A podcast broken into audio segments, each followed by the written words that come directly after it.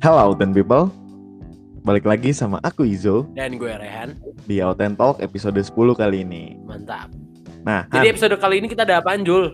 jadi gini Han. Setelah beberapa episode kemarin kita ngobrolnya cukup mikir Sekarang tuh gue Iya. pengen kita ngobrol ya udah seneng-seneng aja gitu. Kita ngobrol ringan aja Hmm. gitu Nah Oh iya. Tapi sebenarnya gini Jul. Episode ini juga sebenarnya kalau yang dengerin kita Deket dari kita rilis ini hmm, Buat adik-adik Cie adik-adik Pokoknya buat teman-teman yang akan baru masuk ke masa perkuliahan Kurang lebihnya mungkin akan relate ya Karena di episode kali ini kita akan mulai dari pembicaraan sama temen kita Soal Hmm. ospek Iya Tuh. Nah teman kitanya itu siapa namanya Han? Ada Gamal Halo Gamal Halo semua. Ini Thank you for having me, bro. Yo, iya. Siap. Ah, Jadi eh untuk mulai ini kan kita kan tadi bahas bakal bahas kurang lebihnya soal ospek lah ya. Mm-mm. Eh, buat background sendiri gue anak jurusan manajemen. Ijul, lu pertanian nih Jul ya? Iya gue pertanian Agri bisnis ya? Ke bisnis Agri bisnis. Gamal teknik elektro. Nah, eh, kebetulan kita ada di satu kampus nih. Nah, mungkin gue mau eh, gue mau mulai dari kayak eh, ospek dulu nih. Kayak makanya zaman fase-fase perkuliahan kita kita mulai dari ospek. Mungkin sekarang ini dekat-dekat ini bakal banyak yang mulai ospek, tapi secara online nih.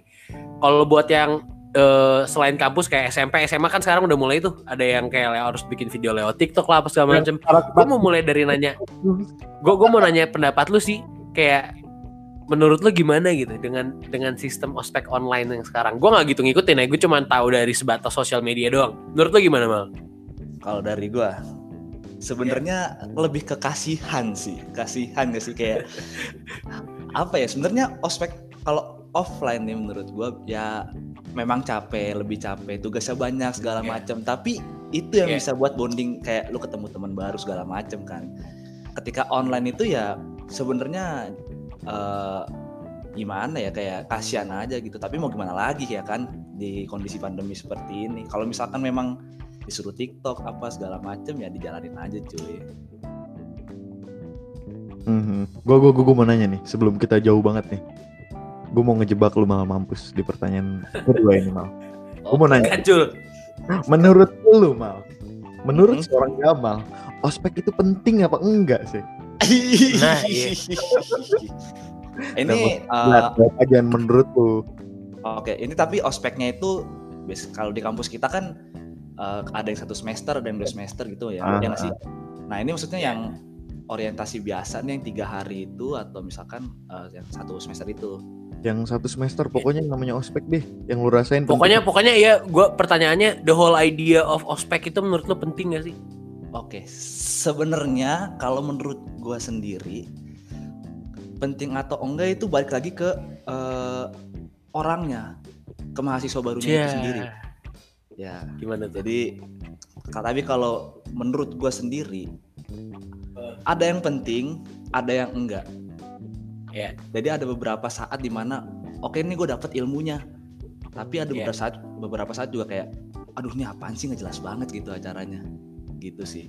Kalau misalkan gue dari, dari pengalaman gue nih ya, ya, kalau bisa gue bilang sih, ini menurut gue ospek Hmm. di jurusan atau fakultas gue itu lumayan ya lumayan keras lah.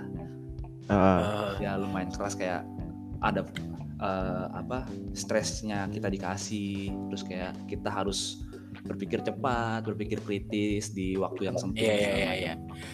Lu tuh fakultas yang harus botak satu semester gak sih mal Yongkru. Yo, nah dari botak tuh kan lu ngejalanin tuh seinget gue ya. Lu juga ikutan dengan pasukan yang lainnya gitu. Lu belajar apa dari botak satu semester mal? jujur kalau dari gue gue nggak mendapatkan apa-apa jujur jujur jujur kayak gue pikir ah, botak itu untuk apa cuy kayak ya apa sih maksudnya kenapa harus semuanya botak apa sih esensinya Iya. gitu tapi kalau misalkan Ah. kita cari esensinya sebenarnya botak itu supaya uh, ketika kita ketemu nih sama orang-orang baru kayak mahasiswa baru kan semuanya nggak semuanya itu level ekonominya sama, terus budayanya Iya, sama, atau mungkin Iya. eh, secara pandang segala macam tuh sama gitu kan. Nah, Iya. di situ eh, diusahakan supaya mereka mereka semua nih merasa di eh, tingkat yang sama gitu, standar yang sama. Kayak gitu. Hmm. Sebenarnya esensinya lebih ke situ. Tapi eh, ini bukannya gue kayak menjelekan apa gimana, tapi kalau gue sendiri, gue merasa tidak mendapatkan esensi itu. Oh, Iya. nggak. Berarti kan tadi kalau eh, lu ngomongin soal esensinya tadi botak tuh, misalkan kayak supaya dianggap sama atau yang sering gue denger kayak kekompakan alasannya gitu seragam apa sama lain. Lu mendapatkan itu nggak akhirnya? Semua itu kayak misalkan kekompakan, kayak lebih menghargai satu sama lain karena sama-sama botak. Dapat nggak lu? Kalau dari botaknya, Tersampaikan nggak itu? kalau dari botaknya enggak, Maksudnya, ya. Oh, Oke, bukan dari botak berarti. bukan dari botaknya. Jadi sekalipun botak itu nggak ada, esensi itu tetap bisa disampaikan lewat media yang lain. Betul, betul sekali. Nah, Karena oke. gue merasa, gue merasa eh, ketika apa nih, eh, misalkan gue deket sama teman gue yang baru, mahasiswa baru nih, sama-sama Hmm. mahasiswa baru, itu gue merasa deket, merasa menghargai satu sama lain, menghargai perbedaan pendapat itu ya lewat eh, sepanjang perjalanannya itu bukan dari botaknya. ya ya ya ya. ya. Lo diem aja lo nggak ikut ospek ya? Ya, dong, deh. Gini gini, tadi gue udah nanya Gamal nih, karena ini cerita apa, Ah. tema ngobrolan santai, gue juga nanya ke lu. Menurut seorang Raffi Raihan, ospek itu penting apa enggak?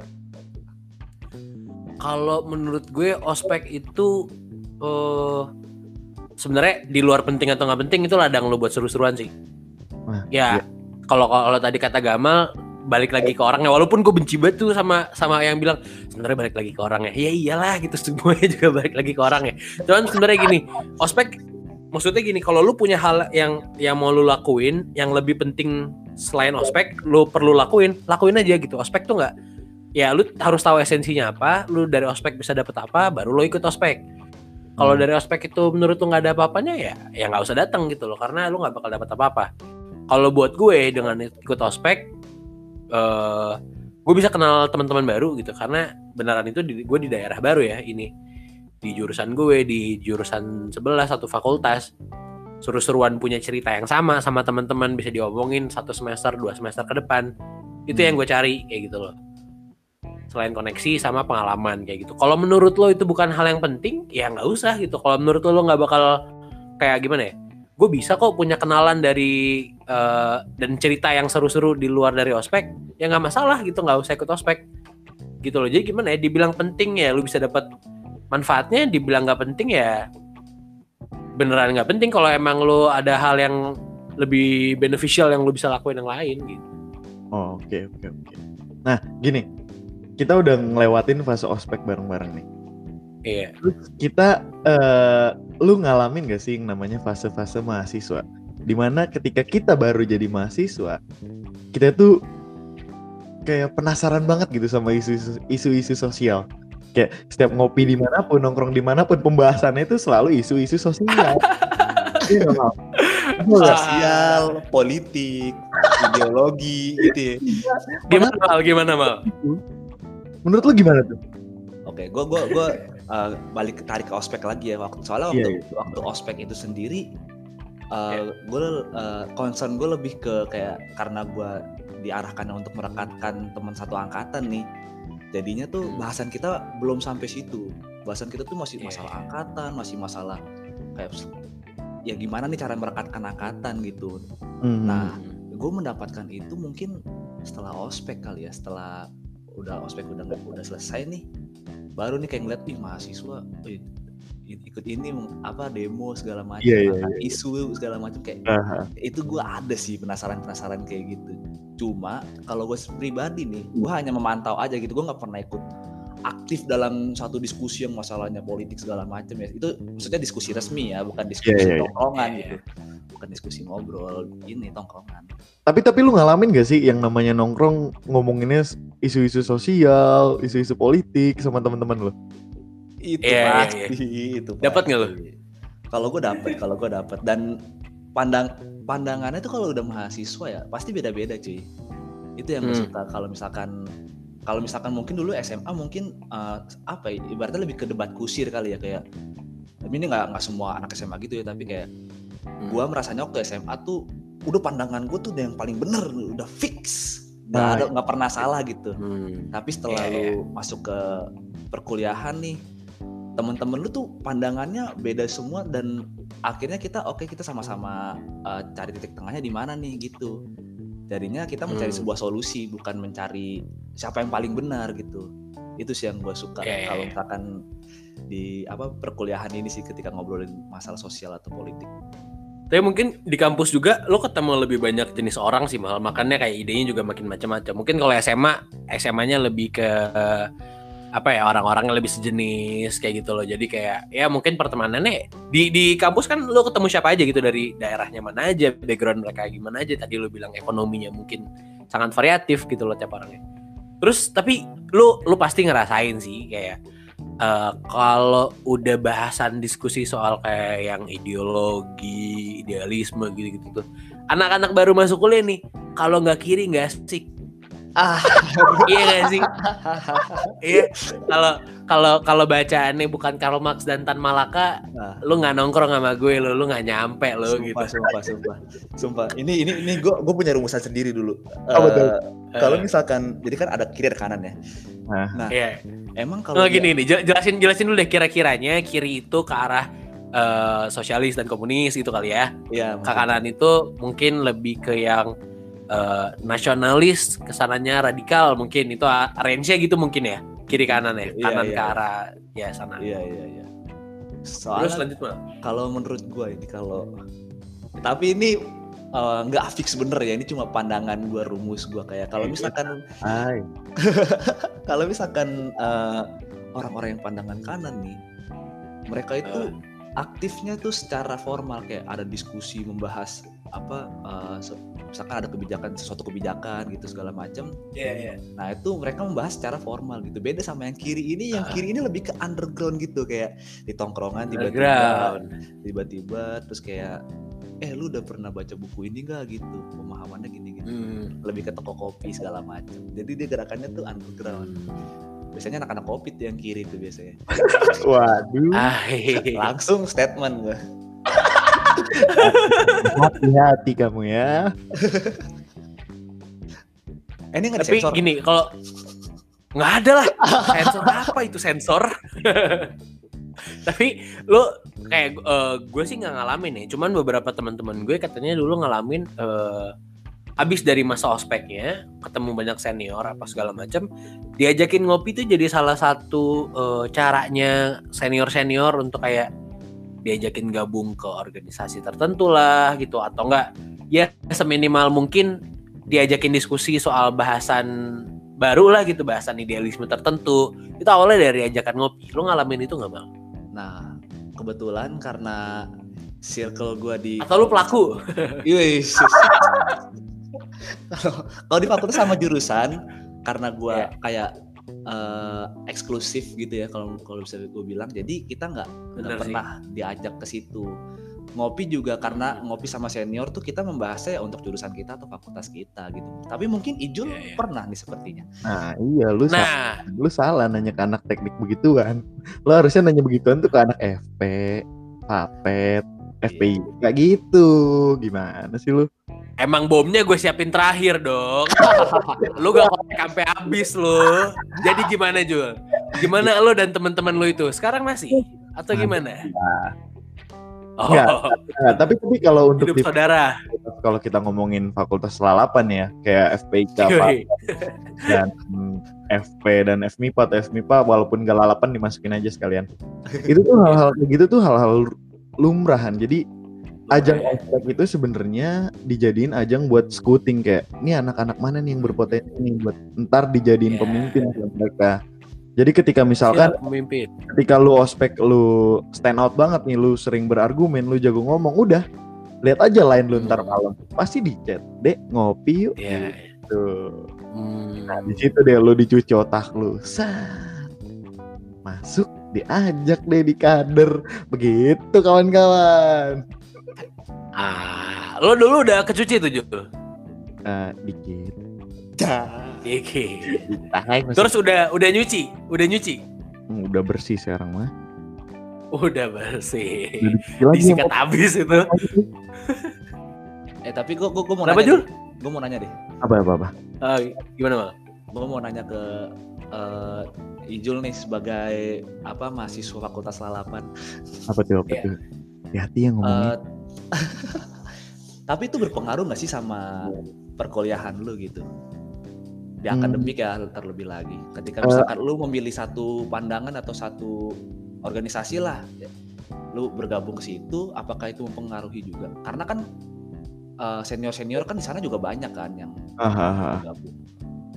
Eh, kalau kita ngomongin realitanya ya, itu cukup berpengaruh sih mal. Kayak misalkan lu kenal sama cutting lu atau kenal sama dosen yang ternyata background organisasi organisasinya sama, itu tuh bisa ngebantu mal. Apalagi di fakultas-fakultas lalapan kan banyak praktikum tuh. Nah, kan biasanya praktikum itu asisten praktikumnya itu kakak tingkat kita. Jadi ketika lu join sama organisasi tertentu, itu tuh bisa dibantu kayak urusan nilai aman lah sebenarnya nggak bagus sih tapi ya itu realitanya begitu jadi kalau lu nanya berpengaruh apa enggak ya ya itu berpengaruh. Itu mal ada lagi yang mau ditanyakan? Saya sudah cukup hati-hati ini. Gue sikat lagi sih kali. Siapa Jul? Dosen lu yang ngebantu Jul? Dapat nilai berapa lu? gue kalau kalau soal nilai kalau soal akademik ya gue nggak merasa pernah terbantu sama organisasi sih. Karena karena gimana? Iya, iya. Karena gue di organisasi itu cuman masuk doang gitu nggak aktif nggak kelihatan sama sekali jadi ya gimana caranya gue bisa dibantu orang gue nggak kenal sama siapa-siapa gitu Ya, ya, ya, ya. Oke, terus gini, eh setelah ngomongin itu semua, terus biasanya di kampus kita tuh suka ada eh, olimpiade gitu. Ya, Betul, betul. itu beberapa minggu kayak lumayan meriah lah gitu kayak setiap hari bisa ada pertandingan, setiap hari ada pertandingan. Nah, kalau mungkin nggak di kampus kita doang ya, di banyak kampus mungkin FT sama FEB itu eh, jadi El Clasico gitu kayak selalu jadi perbincangan selalu ada cerita lagi setelah pertandingan lo termasuk salah satu orang yang suka heboh jadi supporter gak sih mal? Gua iya, meskipun gua nggak ada kebencian sebenarnya. Oke. Tapi suka rusuhnya aja, asik. Ikut seru-seruan, ikut rame-ramenya aja ya? Iya ikut rame-ramenya aja cuy. Kita no head sebenarnya gua nggak ada. Tapi kalau misalkan udah pukul-pukulan kita masuk gitu. pukul nggak pukul, Iya, Ya. pukul nggak apa kabur ke belakang Ya kita jagain motor teman-teman aja. jagain motor. Ya yang aman-aman aja lah ya, yang bener-bener. Iya. Tapi ini malah ya, kalau tadi ospek ada tujuannya untuk merekatkan angkatan apa segala macam. Terus pas lo jadi supporter itu lo malah apa menghadapi konflik bersama-sama gitu sama teman-teman lo. Lo lebih ngerasa kompak sama teman-teman di supporter gak sih? Iya iya. Iya. Itu apa? ya, Itu akan tumbuh dengan sendirinya sih. Dari dari ran- rangkaian o- apa ospek yang udah gue jalanin, entah lu suka atau enggak. Nanti ketika misalkan setelah melewati fase itu, fase ospek, udah mulai supporteran. Nah di situ di situ muncul sendiri gitu ketika jargon, ketika apa gitu. Ada temen yang dipukulin tiba-tiba kita refleks ikut gitu sih. Itu akan muncul dengan sendirinya. Numbuhin proud ya, Iya, meskipun numbuhin proud sama alma mater gitu. meskipun jujur waktu waktu gua ospek gue masih kayak dulu tuh eh apa sih maksudnya bangganya di mana sih gitu loh cuma Ya, ya, cuma ya, sekedar ya. fakultas atau jurusan itu kan cuma ya pilihan uh, prodi lu aja kan pilihan Mm, uh, tujuan lu belajar kan tapi ketika lu udah di stadion nih lu udah ngecan bareng terus kayak apa uh, lompat-lompat bareng di situ ketika lu Kayak- lihat temen lu atau mungkin cutting lu dipukulin meskipun lu nggak kenal sama dia nih karena lu mungkin beda jurusan gitu tetap lu bantu gitu Iya iya iya. iya. kan muncul dengan sendirinya Sip, mantap mantap. tapi tapi gini lu ngerasain gak sih olimpiade terakhir yang paling seru itu waktu kita maba iya gak sih Gue iya sih. Buat gue Iya nggak, iya. sorry gue maba kan belum boleh gue belum boleh supporteran nggak pernah Ah. tahu kasian Oh iya iya iya. iya. duluannya gila Karena Berarti berarti lo telat dong. Ya, lo nggak bisa ikut hingar-bingar yang tadi dong. Hingar-bingar itu enggak makanya. Tapi fakultas gua ya kan. Fakultas gua ya kan kita ada ya gitu dah. iya lah paham. kan? Gimana tuh? Ya gitu dah. Kayak ngerti gue. Kan gue bukan dari fakultas lo. Gue takut digeruduk. Takut digeruduk. Aku digeruduk. Ya, kalau misalkan ada mungkin hasilnya tidak bisa kita terima gitu. Mhm. Kita mencoba Iya. protes. protes. Oh, protes. sekali jawaban anda ya Gamal ya. Cuma memang mungkin emosinya terlalu lepas. Oh. Hmm. Ya lebih ke nyari jalan untuk ribut aja lah ya sebenarnya Hei, kenapa anda dengan langsung cara-cara yang tidak bisa ditolak. kenapa Tapi langsung ke situ? Gini, enggak, enggak gini. Kalau lu maba kan masih nggak boleh nih buat nonton-nonton gituan. Nah, terus ketika ada berantem-berantem gitu lu datang gak sih? Waktu maba atau apa? Waktu maba. Waktu maba ya nggak nggak pernah sih. Ya. Kalau misalkan berantem waktu maba mah. Nah, gini. Tadi kan kita udah bahas tentang ospek, terus kita bahas fase Hmm. kedua mahasiswa itu bicara isu-isu sosial dan politik di tongkrongannya. Yang ketiga ini Iya. adalah fase di mana mahasiswa sangat tertarik ikut organisasi. Ngerasain nggak kalian? Nah, organisasi dan proker, Nah, betul, betul, betul. Kacau. Nah, sebagai narasumber, kampus dan coba luar. saya mau tanya, sudah berapa organisasi dan proker yang Anda ikuti sampai saat ini? Nah, Boleh buka LinkedIn dulu nggak sih? ah, susah sekali. kalau kalau jumlah proker gue gua agak agak lupa ya tapi eh, kalau organisasi secara anggota itu aktif gua dua sih Dua ya. himpunan him, ya masih sampai sekarang himpunan untuk jurusan sama eh, IFL sih eh boleh sebut boleh sebut ini kan Boleh lah promosi. Boleh, boleh nggak apa-apa. Kita lagi nggak ada kerja sama sama apa-apa kok ini. Boleh lah, sebut aja. oke tergabung di himpunan IFL. mahasiswa teknik elektro dan Iya, iya, iya. Indonesian Future Dan IFL. Chapter Malang iya Oh, Gini, Indonesia Future Leader tuh yang kalau nyapa high leader gitu ya. oh lu, Rehan Harusnya tadi kita buka podcast gitu Jul, karena bintang tamu kita leader. itu Iya. SOP pak SOP Oh iya. oh gini gini gini gini. Gini Jul, gue mau nanya. Lo kan kebetulan sekarang di EFL nih. Terus tadi Ijul sempat ngomong kalau eh, lo aktif di ospek, lo vokal, nanti malamnya ada kating-kating lo yang bisa ngontakin lo untuk kayak mau di kader lah bahasanya kayak gitu. Nah, fokusnya EFL kan sebenarnya bukan di pergerakan di dalam kampus nih. Nah, eh, menurut lo IFL apakah punya strategi yang lebih apa ya? Ya, eh, strategi yang lebih efektif untuk pembentukan leader gitu dibandingin organisasi di dalam kampus tadi yang yang seperti yang Ijul sebutkan misalkan. Oh itu kita tidak ada kita kita tidak perlu mencari tapi alhamdulillahnya sih orang-orang banyak yang datang ke kita sih maksudnya banyak yang daftar apa segala macam kita nggak ada kader-kaderan gitu kayak oh ini kita lokit lokit bagus nih terus dicek Iya, iya. kita nggak ada terus Oh. aja lah Gini, di fase-fase mahasiswa lagi senang-senangnya organisasi nih, biasanya banyak banget teman-teman kelas lu yang saking capeknya organisasi, kuliahnya ditinggalin. Nah, lu ngalamin gak mal? Entah Oh, lu lu yang kayak gitu.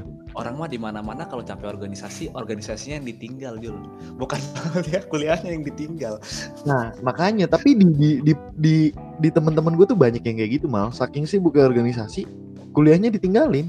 Nah, kalau lu, lu ngalamin nggak? Atau teman-teman lu ada yang ngalamin gitu nggak? kalau kalau kalau gue pribadi sih gue nggak pernah merasa seperti itu sih soalnya kalau gue pinter-pinter bagi waktu aja pinter-pinter lu nyempilin waktu aja gitu loh kalau misalkan kecuali memang lu ngambil organisasinya kebanyakan nih kayak lu kuliah nih misalkan 24 SKS tapi organisasi lu 5 apa 6 ya lu lu gila juga gitu emang harusnya dari awal tuh lu planning lu ikut apa aja gitu waktu lu cukup nggak segala macem gitu tapi Ah, temen lu iya. ada sih banyak Nah, lu tadi kenapa bilang organisasi ditinggal? Orang ada temen lu yang kayak gitu. tapi gimana itu maksudnya dia bukan capek ibaratnya gini eh gimana ya nggak jadi deh kayaknya bener Jul pernyataan lu Jul Bagaimana maksud lo? enggak enggak gue baru paham gue baru paham gue baru paham tapi ya ada ada kalau misalkan eh, karena organisasi ini capek jadi Hmm. akademiknya yang ditinggal itu ada banyak Nah, iya jadi ini mungkin nanti pendengar kita tuh ada yang baru mau masuk kuliah nih Mal. Mungkin lu bisa bagi tips dari orang-orang yang udah kayak lu organisasi hampir setiap semester gak sih Mal? Dari gua aktif organisasi dari semester 2 apa 3 ya Nah. Iya, sampai saat ini kan masih aktif. sampai saat ini ya. Nah, mungkin ada tips nih buat adik-adik yang baru mau masuk kuliah. Kalau mau masuk organisasi tuh harus kayak gimana sih? Itu. Sebenarnya eh, cari tahu dulu apa yang mau dicari sih. Itu itu penting sih. Apa yang mau lu cari dari organisasi itu gitu. Misalkan eh, lu mau masuk himpunan nih. Kira-kira lu lihat dulu nih eh, dari lu nya sendiri lu mau cari apa di himpunan misalkan public speaking atau mungkin misalkan lu cara teamwork atau mungkin lu eh, how to manage your apa time gitu. Nah, itu lu lu lu eh, tentuin dulu nih lu list ini untuk adik-adikku ya di list dulu jangan jangan Adik-adik. jangan masuk masuk nih set nah ini masuk apa nih him- himpunan yang bisa kasih ke gua gitu. Itu menurut gua salah sih. Lu, lu Ah, jangan jangan berangkat di- dari situ. cari dulu ya apa yang pengen lu cari baru lu masuk ke dalam. iya terus baru lu lihat organisasi apa yang bisa menurut lu bisa ngasih itu gitu. Kalau Ah, misalnya iya iya iya. lihat himpunan kayak bisa nih uh, ngasih misalkan gue mau public speaking mau teamwork nih misalkan. Ini kayak himpunan bisa deh uh, apa ngasih gua dua ini gitu ya udah. Ah, ah. lu masuk ke situ Oh, Dan- jadi dari lu nih sebelum masuk lu cari tahu dulu nih lu mau dapet apa dari organisasi baru ntar lu filter nih mana organisasinya yang bisa ngasih keinginan yang gue cari kayak gitu. tapi kalau misalkan gue boleh jujur dulu Hah? kenapa gue ngomong kayak tadi karena gue melakukan kesalahan di awal-awal gue masuk organisasi Gimana tuh gimana? karena gue masuk Apa tuh organisasi yang lu salah masuk? bukan gitu maksudnya eh, ini bukan ke organisasi dulu gue dulu, gua dulu pernah ada acara angkatan gitu lah gitu. terus Heeh. gue tuh ikut gitu kayak misal apa jadi panitia intinya tuh bukan karena eh, hal yang ingin gue cari tapi kayak udahlah ikut aja gitu bantu temen atau misalkan ikut aja nih biar siapa tahu nanti gue dapat manfaatnya gitu loh nah dari situ gue nggak pertama kerja gue jadi nggak beres karena gue merasa itu sebuah tekanan bukan bukan apa ya sebuah bukan sebuah tempat buat gue untuk berkembang gitu. Ah iya iya iya. ketika udah muncul pikiran aduh ini uh, kerjaan apaan sih ini? Berat banget stres stres banget gitu. Lu mau apa ngambil hasil dari ikut kepanitiaan atau organisasi it- itu juga susah. Hmm. kalau misalkan lu berangkatnya emang udah males gitu nggak Iya, nggak iya, iya. nggak nggak ada yang lu cari sebenarnya itu ketika setelah acara itu selesai gue baru mikir kayak ah, nggak cuy gue harus berangkat dari apa yang mau gue cari gitu Biar ngejalaninnya juga seneng ya. iya Iya, biar dapat biar dapat senangnya, biar dapat manfaatnya. Nah, kalau tadi lu bilang kayak gitu mal dari beberapa program atau eh, ya proker gitu ya yang udah lu jalanin sampai sekarang, yang menurut lu paling memorable atau paling bermanfaat menurut lu apa? Yang paling lu suka deh gitu. gue paling suka IFL sih Weh, IFL Malang Gila gila lagi. Aduh. jujur eh, ini gue gue mau cerita kenapa gue masuk IFL Malang ya. boleh nggak sih nanti dikiranya "Ih, ini lagi Boleh lah. Bentar dulu, bentar dulu. Bentar dulu, Jul. Padahal gue nanyanya programnya loh. Yang dikasih tahu organisasinya. Parah. Kayaknya semua program Cinta lu. kan. Soalnya soalnya Berarti nggak kan. satu doang. Semua programnya berarti bagus-bagus. Iya, kalau menurut gue ya Gelap lagi. soalnya gue so- soalnya gue di situ nggak terlibat secara langsung ke program atau Oh. proyeknya makanya gue Iya, bilang iya, IFL karena gue nggak terlibat secara langsung gitu Hmm. jadi jadi waktu itu gue pernah ada namanya konferensi out in movement tahun lalu Iya. nah itu itu waktu itu gue di fase di mana gue pengen uh, cari apa ya ibaratnya suasana baru gitu. Karena kayak bosen aja gitu gue ketemu temen jurusan lagi gitu. Mhm. gue pengen ketemu gue pengen tahu nih orang-orang di jurusan lain atau fakultas lain tuh gimana sih gitu. Penasaran Iya, aja iya. sebenarnya. Lebih ke koneksi lah jadi gue list nih gue pengen ke koneksi. Terus juga kayak eh, apa gue pengen kerja profesional tuh sebenarnya gimana sih di organisasi gitu. Nah singkat Selain cerita itu ada gua- lagi nggak? kenapa? Selain itu ada lagi nggak tujuan terselubung? Belum. Kalau kalau kayak ada orang mau masuk organisasi cuman kala kayak mau cari cewek doang mah nggak boleh lah ya. Salah dong. Iya iya iya iya iya. Nggak boleh kalau kayak gitu. Iya, iya, iya. Kalau nyari koneksi boleh, kalau khusus buat nyari cewek doang nggak boleh, salah. Iya. Gimana, Mak? Koneksi. Nah, gimana? Jadi patah. Lanjut lanjut. Gue jadi lupa. Ntar. Tadi tadi tadi Tadi, di EV di EV lu apa. jalanin apa aja. Oke oke. Karena karena gue ngeset standar apa yang gue cari itu simple aja. Sebenarnya mencari koneksi sama cara kerja profesional gimana sih gitu ya. Udah ketika gue waktu itu masuk ke proker itu apa conference shouting movement, gue eh ntar, ntar. Ah, ya.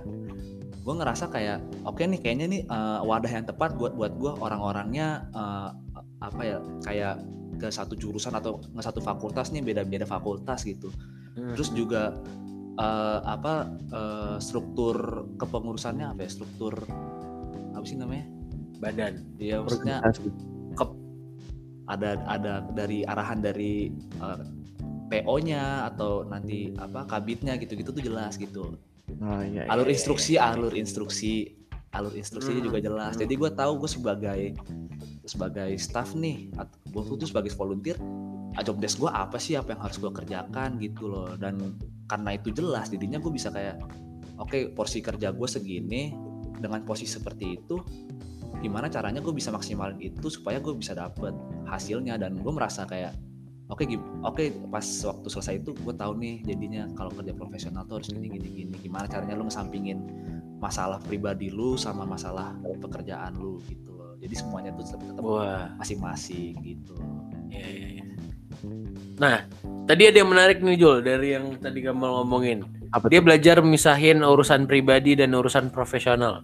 Emang menurut lu itu penting? Maksudnya kayak semua urusan pribadi harus dipisahin sama urusan profesional. ini pertanyaan ke gue ya nggak ke pintu. Lu Iya. dulu ntar gue gue nanya Jul. oke ini gue jawab jadi kalau sebenarnya itu hal yang susah. Dan tapi kalau bagi gue nih itu penting. Itu penting. Karena gue orangnya sebenarnya gue tuh mudian. Dulu tuh gue mudian. Oke.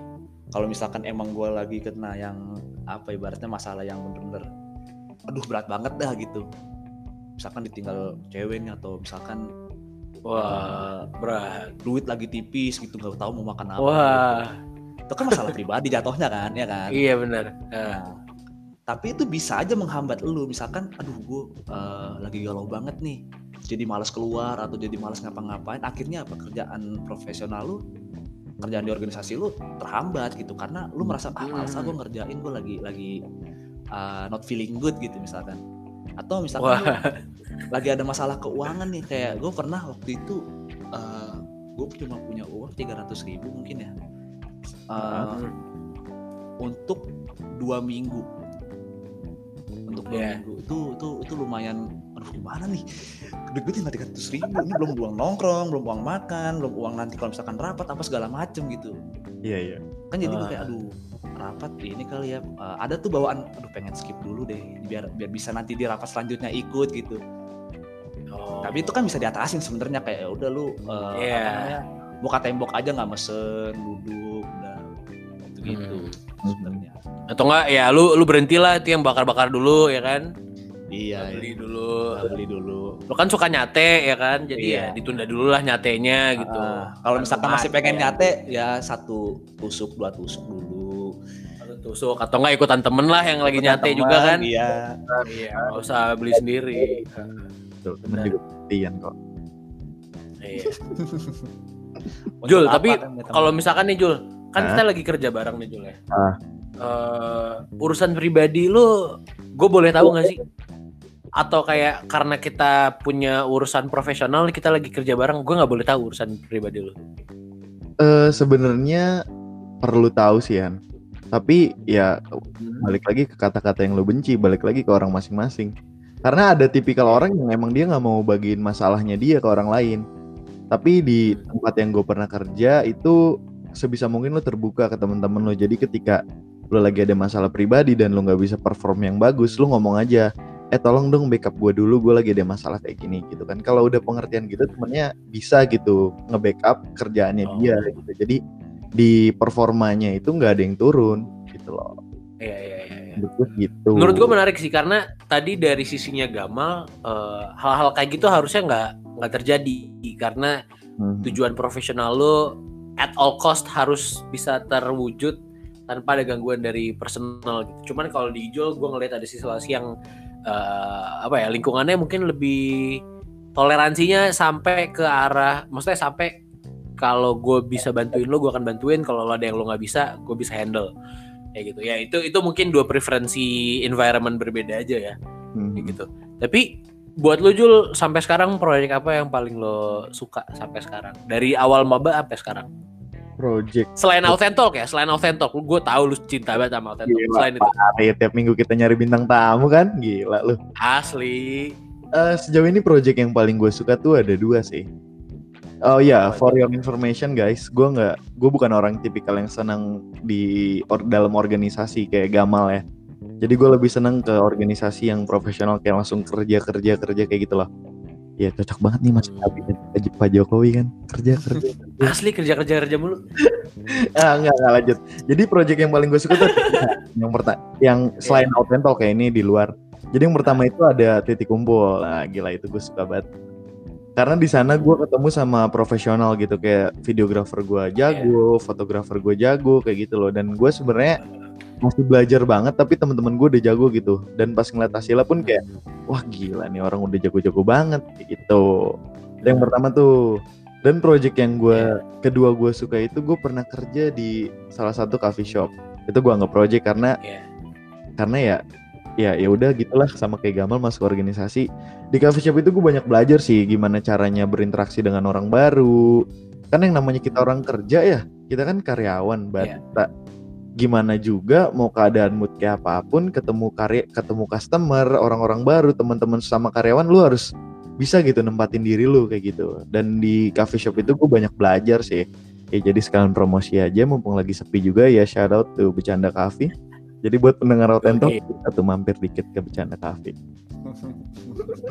Bercandanya BETJ ya bercanda. Yo ih, biar bos gue kaya. Udah nggak bos sih gue udah keluar oke lanjut Jul Ah iya, setelah fase organisasi nih mau, mahasiswa itu ada di fase di mana semester 5 itu banyak mahasiswa yang ngeluh karena dia sibuk banget. Iya nggak? Lu ngalamin nggak berdua? Semester 5 itu sibuk banget. Rehan dulu deh. Tadi dulu gue ngitung dulu nih satu tiga lima lima tuh berarti semester kemarin ya dua kemarin ya Dua Iya, kemarin. betul. Oh, Oke, gue lumayan sih semester 5 awal gue lumayan. Eh, itu kalau buat gue, eh, gue ada di klub gitu ya. Kebetulan klub gue, gue milih klub ini karena kalau tadi saran dari Gama lo harus tahu apa yang lo mau, apa yang lo suka. Kebetulan klub ini ngewadahin itu buat gue. Salah satu organisasi namanya MUN gitu, UBMUN Club. Kita semua promosi ya. Oke, boleh, boleh. Oh, kita kita jilat organisasi yang kita masukin. Silakan, silakan. Nah, jadi ya di organisasi itu gue lumayan banyak belajar dan semester 5 itu kebetulan eh, gue pindah apa namanya pindah ke pengurusan.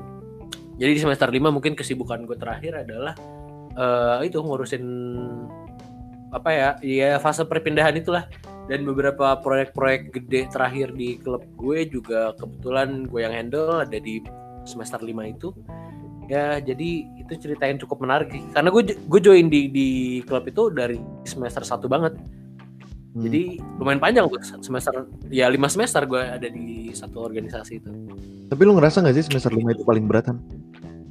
Sejauh ini dari segi Eh. kuliah, diskusi dan lain-lain. Semester lima salah satu gue paling anjlok sih emang Iya betul. iya tapi tapi kalau ya, tapi bukan karena organisasi gue itu Ya. karena gue nya aja Wah, masa sih? ini ini ya nih nih Gampang. gue bisa ngomong kalau gue bukan orang yang paling sibuk dan gue ngelihat orang yang jauh lebih sibuk daripada gue dan kuliahnya bener jadi buat orang-orang yang sibuk yang bilang ya kuliah gue nggak bisa nih karena gue sibuk organisasi gini gini gini nih. Lo harus belajar untuk naruh prioritas sebelum lo milih organisasi menurut gue. Nah Nah, karena gimana ya? Lo pilih organisasi untuk pengembangan diri tapi lo kuliah itu udah gimana ya? Lo masih lo bertanggung jawab terhadap orang yang bayarin lo gitu. Entah lo dari anak beasiswa entah lo dari orang tua lo sendiri gitu loh kecuali lo udah bayar kuliah pakai duit lo sendiri. Gue yakin lo kuliah nggak mungkin main-main sih gitu loh karena lo tahu rasanya ngeluarin duit. Nah gue dulu menggunakan fase-fase itu untuk belajar bertanggung jawab gitu. Nah, jadi menurut gue semester 5 salah satu yang paling susah. Tapi Ah, ya iya, iya. alhamdulillah sekarang kita udah sampai sini Jul. Menurut lo gimana mal? Nah, kalau gua kebalik justru fase tersulit gua adalah semester 3 dan 4 itu fase tersulit gua. Hmm, Nah, kalau Oh ya? Iya ya, karena kalau di semester 5 itu ka- kalau di lelah berorganisasi gua nggak justru gua malah lagi semangatnya tuh karena gua baru masuk waktu itu. ah iya iya masuk Oh, mana oke, tuh oke. Indonesian Future Leader Iya, gua baru gua baru menjabat di Indonesian Future Leaders dan memang eh, proker-proker yang dibawa juga jujur biasanya kan kalau misalkan gua ngurus proker tuh proker-proker yang berbentuk acara kayak misalkan Ah, pensi atau misalkan kayak perlombaan segala macam kan yang seperti itulah. Tapi kalau ini tuh enggak ini tuh eh, yang per- yang pertama itu gua ke eh, ini rumah sakit jiwa Lawang. Wow. Oke. Gue ngerasanya kayak liburan sambil kerja gitu tapi gimana gitu kayak gue ke rumah sakit Lawang kayak kita di situ ada tour ke museumnya kayak rumah sakit jiwa tuh apa sih apa aja penyakitnya yang uh, di handle terus bagaimana cara penanganannya gitu. Itu mematahkan pers- perspektif gue di situ kayak gue kan ngiranya kayak asylum gimana sih kalau di film-film kan serem Ah, banget iya, ya? iya, iya. Iya, iya, iya.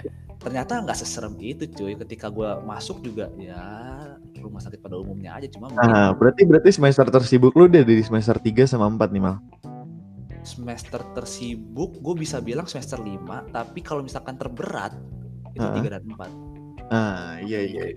Jadi gue pengen sebenarnya itu buat bridging aja sih. Jadi setelah mahasiswa itu biasanya melewati fase-fase tersibuk, setelah lepas Ah. itu, masih itu mahasiswa itu masuk ke fase terakhir, yaitu fase di mana mereka itu menjadi se- seorang yang sangat malas. Betul betul. betul. Betul sekali. Ini ini nggak bener nih. Wah, Ini nggak bener nih. gimana tuh gak bener itu?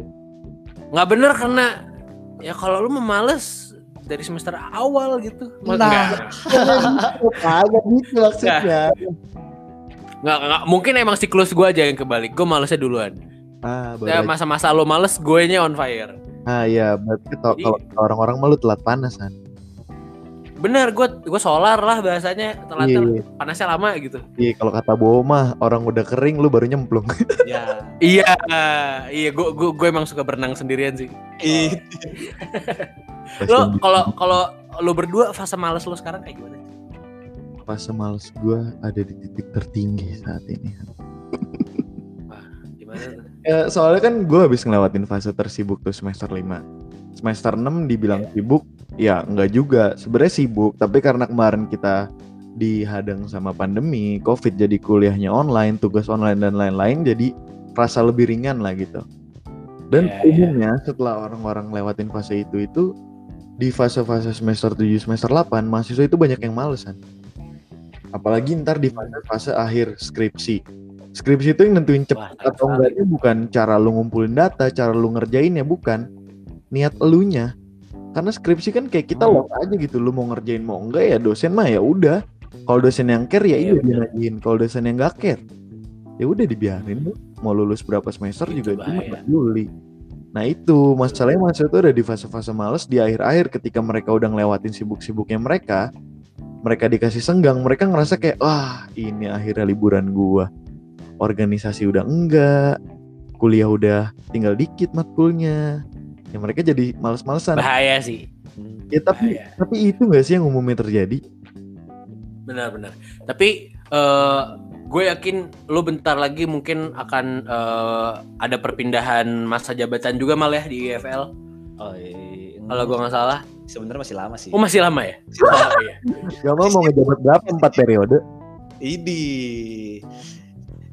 Kayak kayak Hona- Hokage ketiga gue ntar nih. ya kayak gitu kan. Tapi maksud gue gini Jul, Eh, karena mungkin kalau lu bilang malas sebenarnya lebih ke apa ya? Mungkin yang kuliahnya udah lebih banyak yang selesai, tinggal tugas-tugas akhir, kayak proker juga udah banyak gitu. Aha. Tapi menurut gue akhirnya di mahasiswa-mahasiswa semester akhir gitu ya, karena mereka udah banyak pengalamannya, udah banyak kalau tadi sejarah dari ospek, udah banyak temen, udah banyak networking, udah banyak cerita segala macam. Gue rasa anak-anak semester akhir itu eh, banyak yang akhirnya punya hobi baru Hah? atau eh, punya karya baru atau apa ya banyak yang dia coba upgrade dari lingkungannya dia lah atau misalkan ikut social project baru atau bahkan mulai masuk project eh, di luar misalkan mulai masuk perusahaan mulai magang gitu loh jadi menurut gue malah di semester semester akhir tuh banyak kejutan-kejutan baru gitu loh Ah, iya iya. kalau ya gue cukup bersyukur akhirnya uh, dan Authent Magazine bisa hadir untuk teman-teman di Malang ya gitu. Cuman gue yakin Gamal lu ada hobi baru sekarang di semester-semester akhir boleh ceritain mal. Banyak sekali, banyak. Apalagi Ya. ini kan pandemi, aduh kayak apalagi gue eh, di Malang nih kan sendiri kan Iya. di rumah. Jadi ya banyak sih yang gue kerjain. Gue udah mulai diajak Rehan golf, terus ke Wah seru tuh. Wah itu seru banget. Udah golf, sekarang ini gue mulai masuk ke eh, investasi saham. Gue baru mulai. Mantap. Berat. Boleh nggak sih nyebut ininya brokernya? Ntar aja. itu ntar aja. Tolong Itu ntar aja. Sponsorin mah. Ntar aja, ntar aja. gue mulai, gue mulai Kita lebih ke masa depan. kita soalnya lagi iya gue sama Eju lagi mau pitching buat ini sih kerja sama sama judi bola jadi broker Iya. itu ntar Ih, jangan lah ngomongin investasi di sini mal. Bet Yang paling 88. menggiurkan di dunia itu judi mal. Oh, Gak iya. judi bola sih sekarang Iya judi bola. sama kayaknya sekarang trennya togel lagi naik lagi deh Jul Kenapa tren togel? Kayaknya gue abis ini minta nomor. Dulu ya. Nah, gua ada kenalan. Nanti kita ngobrol habis kenalan. Oh iya iya. Ayo pendengar yang mau By the way- tahu. By the way, thank you, makasih banyak Mal udah sempetin waktu ngobrol sama gue Mejul di Talk sekarang episode 10. Eh, semoga yang denger juga banyak dapat eh, manfaat dan hal-hal baru. Terima kasih yang udah dengerin. Gue Raffi Raihan. Dan gue Izo. Sampai jumpa di episode Talk selanjutnya. Bye bye. Dadah. Dadah.